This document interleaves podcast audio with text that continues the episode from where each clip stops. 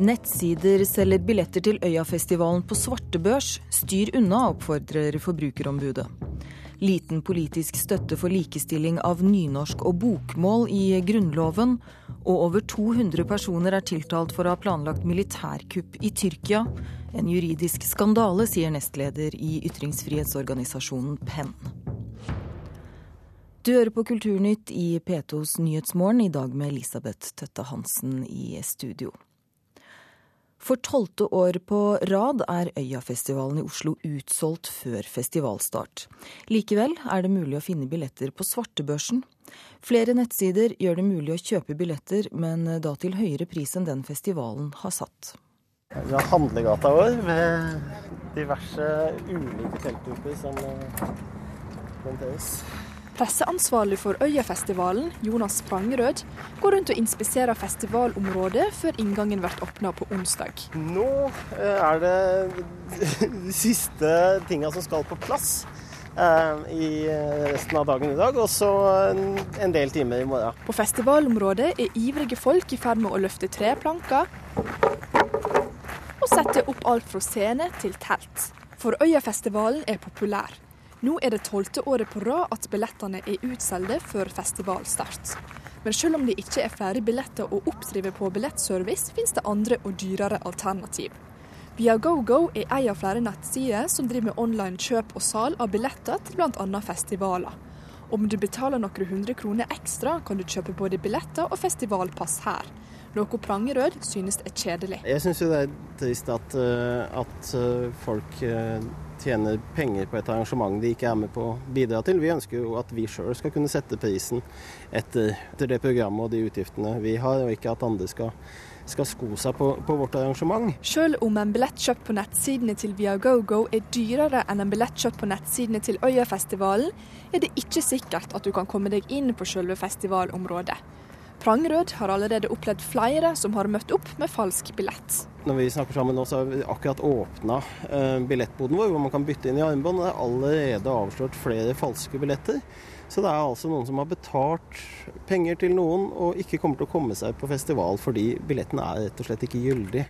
Nå skal jeg prøve å gå inn på Via GoGo for å se om de har um har billetter til Øyafestival. Forbrukerombud Gry Nergård sitter ved PC-en på kontoret sitt. Her ser du at du kan få kjøpt eh, billetter til konserter denne uka. Ifølge svartebørslova er det forbudt å selge billetter til kultur- og idrettsarrangement til en høyere pris enn den som er påført billetten fra arrangørens side. Billettsalget til Viagogo er derfor ulovlig. For det første så er det jo forbudt med svartebørssalg av billetter til konsertarrangement i Norge. Eh, grunnen til at de her kan fremdeles drive på med det, er jo at de nå holder til i Sveits. Eh, og det gjør det vanskelig for oss å få stoppa de. Dersom du kjøper billetter via uoffisielle utsalgssteder, kan det ifølge Nergård få konsekvenser. I tillegg til at det er dyrt, så kan du jo risikere at du f.eks. ikke får billettene dine, eller ikke får dem i tide, eller at det rett og slett er falske billetter. Og I alle disse tilfellene så vil du jo rett og slett ikke komme inn på den konserten som du ønsker, selv om du har betalt for det. Og Nergård har følgende råd til brukerne. Styr helst unna eh, svartebørssalg av billetter. Prøv å gå til de vanlige forhandlerne. Og hvis du nå ønsker og er så desperat at du må kjøpe på svartebørs, så eh, for all del prøv å unngå å betale forskudd, og i hvert fall ikke fra konto til konto, men benytt et eh, kredittkort. Så kan du muligens ha sjanse for å få tilbake pengene hvis du ikke får billetten. Og nettstedet Viagogo skriver i en e-post til NRK at det er selgernes ansvar å registrere og angi pris på billettene, og at Viagogo gjør det mulig å kjøpe og selge billetter trygt og sikkert online. Viagogo kontrollerer selgerne nøye, og de som prøver å jukse, blir utestengt. Billettsiden har også en egen garanti for at billetten skal komme fram i tide. Reporter her, det var Camilla Yndestad.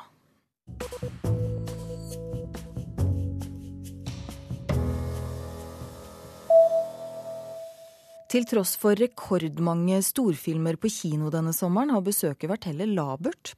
I USA har kinobesøket sunket med 19% sammenlignet med i fjor, skriver Aftenposten. I Norge er tallet på 17% Programdirektør Kristin Berg i Oslo kino gir det gode været mye av skylden for det labre besøket. Sinnataggen blir utsatt for en ny type herjing. Turister som tror det bringer lykke å ta på den kjente skulpturen, har ført til at hånden til bronsebabyen blir slitt. Skulpturkonservator ved Vigelandmuseet i Oslo, Ingebjørg Mokstad, sier til Dagsavisen at de er bekymret over endringene på skulpturen. Hun sier de ikke kan forby folk å berøre skulpturene, men oppfordrer dem om å ta andre steder enn bare på hånden til eh, Sinnataggen. Og Utviklingsfondet vil eh, sende FM-radioer til u-land i stedet for å skrote dem. Over ti millioner radioer står i fare for å bli kastet på dyngeren når Norge går over til digital radio. Selv om vi går over til ny teknologi, kan andre ha bruk for den gamle, sier eh, informasjonssjef Andrew Kroglund i Utviklingsfondet til eh, Aftenposten.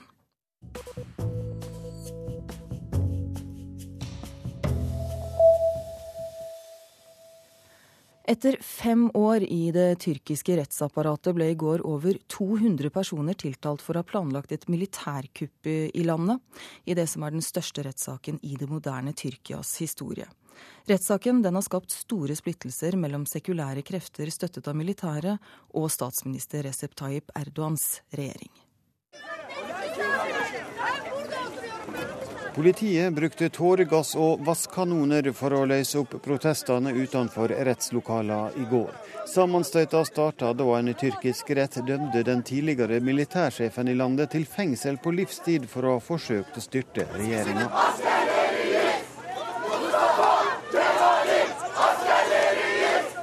I tillegg fikk over 70 andre tiltalte straffer på alt fra ett år til livstid. Blant de dømte er journalister og akademikere. De er skylda for å ha gått sammen om å danne en terrororganisasjon som ifølge tiltalen skal ha stått bak drap og voldelige opprør. I tillegg var de også skylda for å ha planlagt å drepe den tyrkiske statsministeren Erdogan og nobelprisvinneren i litteratur Oran Pamuk og flere andre kjente personer i Tyrkia. Dette er påstander som ble avvist av de tiltalte. Ja, det var reporter Espen Alnes som eh, orienterte. Eugen Skjolgen, nestleder i ytringsfrihetsorganisasjonen Penn International. Du bor i Istanbul og har fulgt utviklingen i denne saken over lang tid. Du kom til Norge i går. Hvilken retning har saken tatt etter gårsdagens hendelser? Ja, altså Det som skjedde i går, hadde jo alle egentlig ventet. Det, det, som var Problemet i denne saken er jo at den har blitt en helt politisk affære. Eh, eh, det er et forsøk fra regjeringen å, å få, få, eh, brakt de til taushet som kritiserer. Og da har de altså puttet disse personene inn i en rettssak som egentlig handler om noe helt annet, nemlig om det som reporteren her gjenga, en, en sammensvergelsesteori. Eh, anklagene har vært så diffuse, og det har vært så lite som skal til for å, for å eh, få folk satt inn i fengsel. Eh, det kan være bare rett og slett det at de har skrevet en artikkel i en avis som har vært kritisk. Eh, det kan ha vært en intervju de har hatt med en av de innblandede eh, offiserene, f.eks. Eh, slik at eh, allmennheten har fått en følelse av, som jeg mener er helt korrekt, at dette er en helt politisk sak. Og jeg tror at følgende av denne, disse groteskt hårde straffene, som ikke bare rammer høye offiserer og høye militære og personer som uten tvil har vært innblandet i, i kriminelle handlinger, men også en lang rekke som er satt dit for sine meningers skyld, Eh, kommer til å ytterligere eh, skjerpe motsetningene i samfunnet, og den atmosfæren av, eh, hva skal jeg kalle det, pre, nesten prerevolusjonær atmosfære, som jeg sa, som har vært en stund. Hva, hva er de internasjonale reaksjonene på, på det som hendte i går? Ja, nå har jo egentlig endelig det internasjonale samfunnet forstått at det skjer veldig alvorlige ting i Tyrkia. Det har tatt sin tid. Eh, grunnen er vel at veldig mange har satt sin lit til at AK-partiet med, med Tayyip Erdogan i spissen han skulle gjøre Tyrkia mer demokratisk. Nå viser det seg at han kjører egentlig akkurat samme linjene som før. Og eh, det som har skjedd i vår med Gezi Park-oppstanden, og den oppstanden som fremdeles er i aller høyeste grad levende. Det er store demonstrasjoner hver eneste dag, ikke bare i Istanbul, men i mange andre byer også. Eh, viser jo at misnøyen er veldig utbredt. Og, og, i landet så, så, arresteres det jo stadig journalister. Hva, hva, er bakgrunnen for det? Du har eh, nevnt litt her, men hva er egentlig bakgrunnen? Altså det, det bunner jo selvfølgelig i det paranoide samfunnet som, som der man altså har, har, tatt til veldig, veldig strenge sensurbestemmelser når det gjelder meninger i lang tid. Vi skal ikke glemme at Erdigenekon-saken bare er én uh, utrert masserettssak som pågår. Vi har en annen enda større rettssak som er i gang, og som har pågått lenge, som heter KCK. Og der er majoriteten av de som er anklaget, eh, rett og slett personer som arbeider bl.a. for den kurdiske saken osv. Og, og da bruker man altså betegnelsen medhjelp til terror eller sympatisering med terrorvirksomhet som, som begrunnelse. Hva mener du da om verdenspressens eh, dekning av, av, saken her? Ja, Som jeg sa, den har begynt å komme på banen nå. Eh, efter det som skjedde i vår. Eh, nå begynner man å interessere seg mer for Tyrkia, og hva som skjer der. Eh, av naturlige grunner. Tyrkia er veldig veldig viktig, ikke minst pga. alt som skjer i Mellomøsten. Eh, men det har vært tatt sin, tid. Jeg syns det har vært svakt fram til nylig. Da må jeg si takk til deg, Eugen Skjolgen, visepresident i Penn International. Klokka den er 14 minutter over åtte. Du hører på Kulturnytt i P2s Nyhetsmorgen, og her er de viktigste sakene i nyhetsbildet nå. Nødsambandet fungerte ikke i Gudvangtunnelen i går. Det sier brannsjef Arvid Gilje i Euroland. Kommunikasjonen fungerte ikke. Vi måtte bruke mobiltelefon. Og så hadde vi internt som var som walkietalkie mellom eh, kan si, eh, brannfolka. Det var en som fungerte. 80 personer måtte evakuere etter kraftig røykutvikling da et vogntog tok fyr inne i tunnelen i går. Langt fra alle foreldre er glade for at de hjalp barna sine med å kjøpe bolig. Det viser en undersøkelse gjort av Sparebank1 SMN. Strenge krav til egenkapital gjør at flere foreldre blir bedt om å hjelpe til økonomisk. Og nesten halvparten av alle nordmenn som reiser med interrail er godt voksne og eldre, det viser tall fra NSB. I resten av Europa utgjør den samme aldersgruppen bare en femtedel av interrailerne, sier assisterende kommunikasjonssjef i NSB, Erik Lødding. 40 eh, av de som reiser med interrail med NSB, er, er eldre, eller altså voksne og seniorer. Eh, og sammenlignet med Europa så er jo det 20% Så det er jo en betraktelig forskjell fra nordmenn og, og europeere ellers, da. Forslaget om å grunnlovfeste likestilling av nynorsk og bokmål får mager politisk støtte. Senterpartileder Liv Signe Navarsete kom med utspillet om likestilling på Ivar Aasens 200-årsdag i går. Men grunnlovfesting har ingen verdi, sier Arbeiderpartiets Gunn Karin Juel, leder for kulturkomiteen på Stortinget. Jeg tror det er å kaste blår i øynene på både bokmålfolk og på nynorskfolket hvis man tror at eh, man skal få til bedre jamstilling mellom målformene hvis man grunnlovfester. Det som er viktig, er at vi har en god mållov, og at vi har en god praktisering av det. Så dette er ingen god fødedagspresang til Ivar Aasen, slik du ser det? Jeg har ingen tro på at eh, det å grunnlovfeste jamstilling mellom målformen vil eh, få noe mer ekstra effekt utover den lovgivninga vi allerede har i dag på området. I Høyre er det Per Christian Foss som steller med Grunnlova. Han har heller ingen godhug for tanken om å ta måljamstilling inn i konstitusjonen. Den er nok godt ment, men jeg frykter at det blir mer en symbolmarkering enn at det vil bety noe for, ny for nynorsken i den kampen som foregår om bl.a. Eh, skoleundervisning, om karakterer, eksamen, om, om uh, målbruk i offentlig forvaltning osv. Også Fremskrittspartiet er avvisende, hørte vi alt i går, så da ser det magert ut. Der det fins ørlite velvilje for Navarsetes tanker, er blant de gamle motkulturelle venene i sentrum. Nestleder i Venstre, Terje Breivik, taler på telefon fra Distrikts-Norge. Venstre er ikke avvisende til å gi nynorsk et vern i, i Grunnlova. Men i lovfesting alene er jo ikke noen garanti for at du, du styrker, styrker, undervisningen i, i norsk i skolen. Fra Kristelig Folkeparti blir det nøkternt meldt at en der er villig til å vurdere dette konstitusjonelle spørsmålet. Høyres Per Christian Foss sier fra utlandet at det hele nok er mer å se på som feiring av Ivar Aasens fødselsdag. Jeg frykter nok at han selv ville avslørt dette som mer eh, symbol og feiring eh, enn eh, noe som betydde noe i virkelighetens verden. Reporter her, det var Bjørn Bø.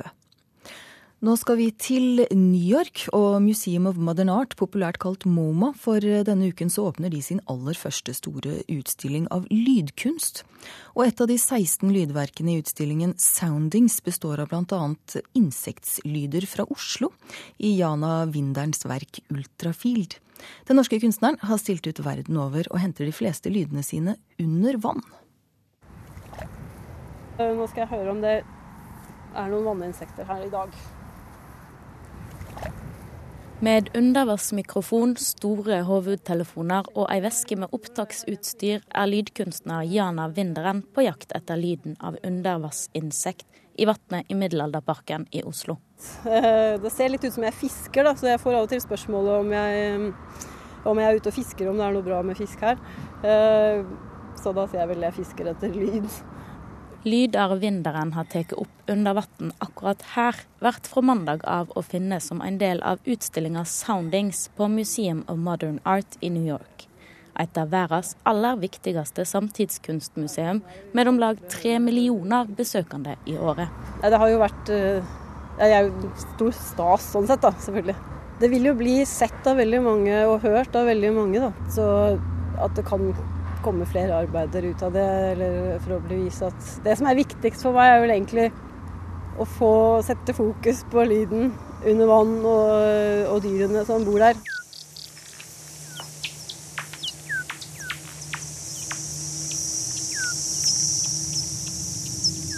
Insekt under vann og jaktende flaggermus er noen av lydene i vinderen sitt verk Ultrafield og skal spilles for små grupper i et bekmørkt rom med 18 høyttalere for å få den rette stemninga. Lydene ligger i et sted hvor man ikke er helt sikker på hva de er.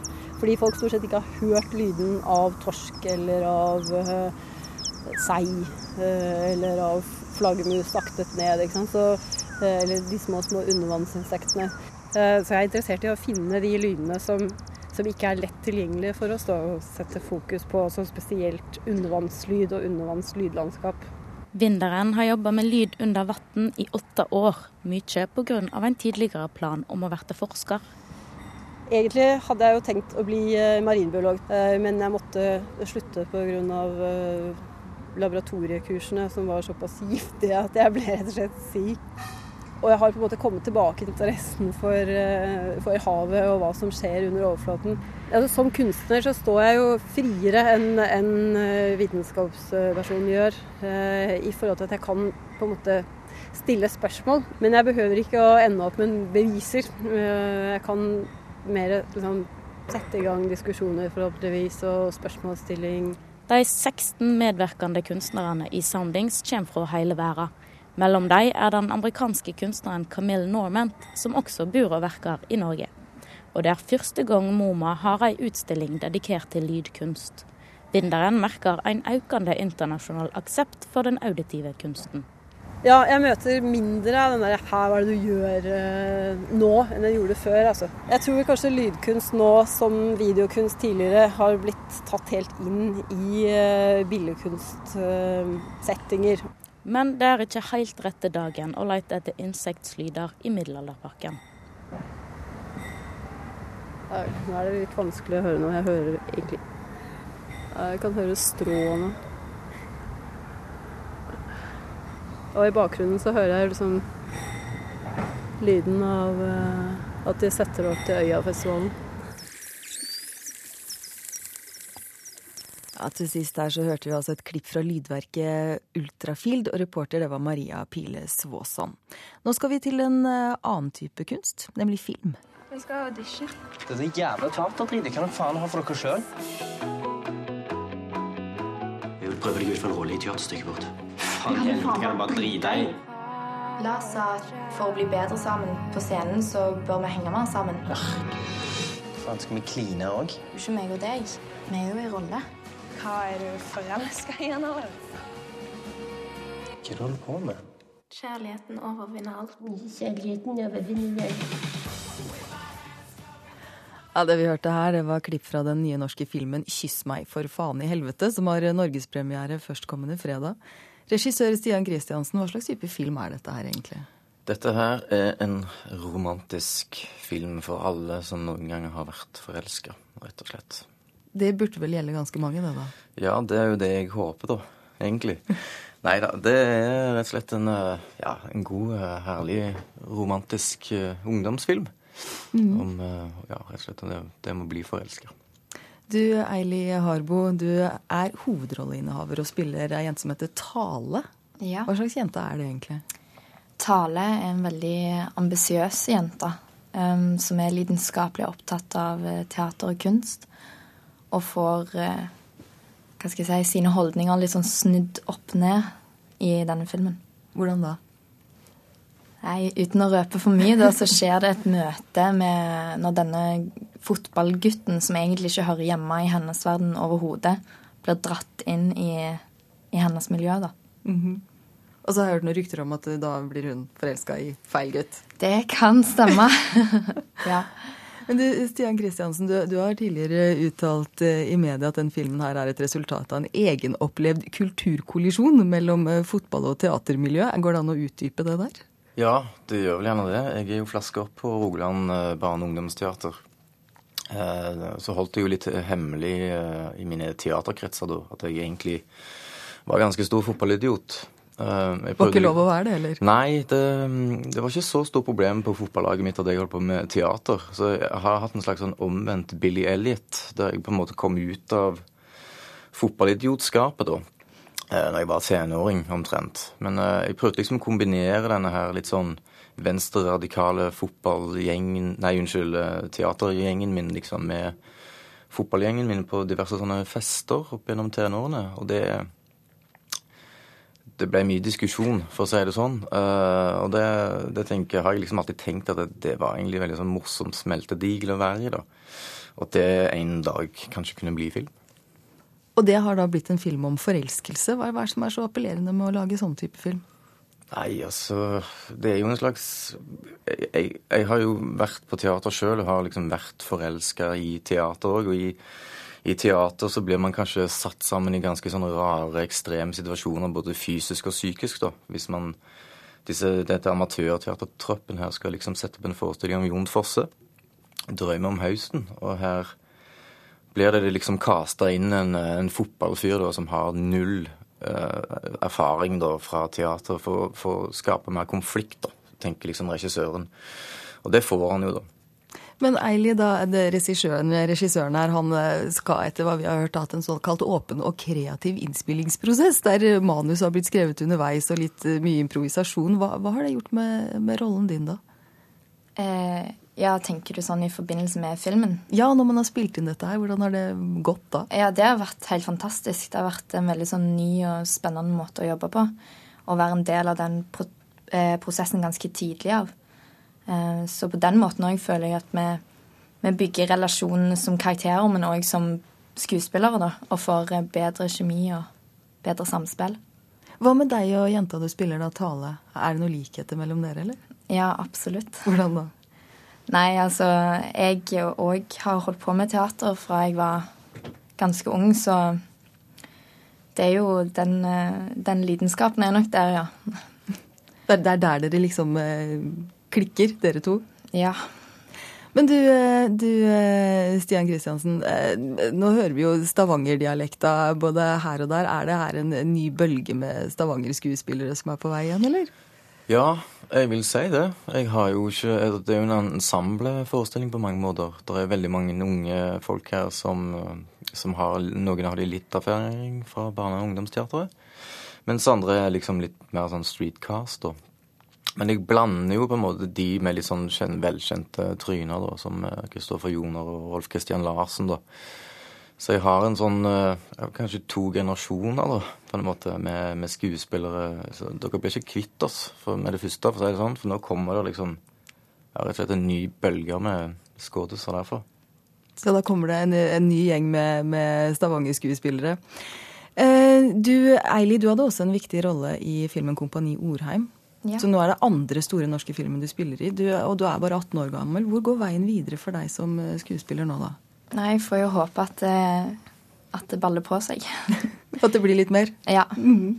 Da får du ha lykke til. Tusen takk til dere begge to, skuespiller Eili Harbo og regissør Stian Kristiansen. Tusen takk. Da skal vi til eh, Amazon, for Amazons grunnlegger Jeff Bezos skal eh, kjøpe den amerikanske avisa The Washington Post. Prislappen blir på nærmere 1,5 milliarder eh, kroner. Bezos overtar avishuset fra Graham-familien, som har eid avisen i fire generasjoner, melder nyhetsbyrået Reuters. Selskapet Amazon skal ikke ha noen rolle i kjøpet. The Washington Post beskriver selv kjøpet som en plutselig og overraskende hendelse i eh, avisens historie. Kulturnytt eh, tikker mot slutten. I sendinga har du hørt at Forbrukerombudet mener det er ulovlig å selge billetter til Øyafestivalen i Oslo på svartebørs, slik flere nettsteder gjør. Vi har også fortalt at Senterpartileder Liv Signe Navarsetes forslag om å grunnlovsfeste likestilling av nynorsk og bokmål får mager politisk støtte. Og at over 200 personer er tiltalt for å ha planlagt et militærkupp i Tyrkia. Saken er den største i moderne tyrkisk historie, og nestleder i ytringsfrihetsorganisasjonen PEN, Eugen Skjolgin, sier det er en juridisk skandale. Du hører oss igjen i eh, ettermiddag klokka halv fem. Produsent for eh, denne sendingen det har Vidar Sem vært. Tekniker etter Frode Thorshaug og jeg, Elisabeth Tøtte Hansen.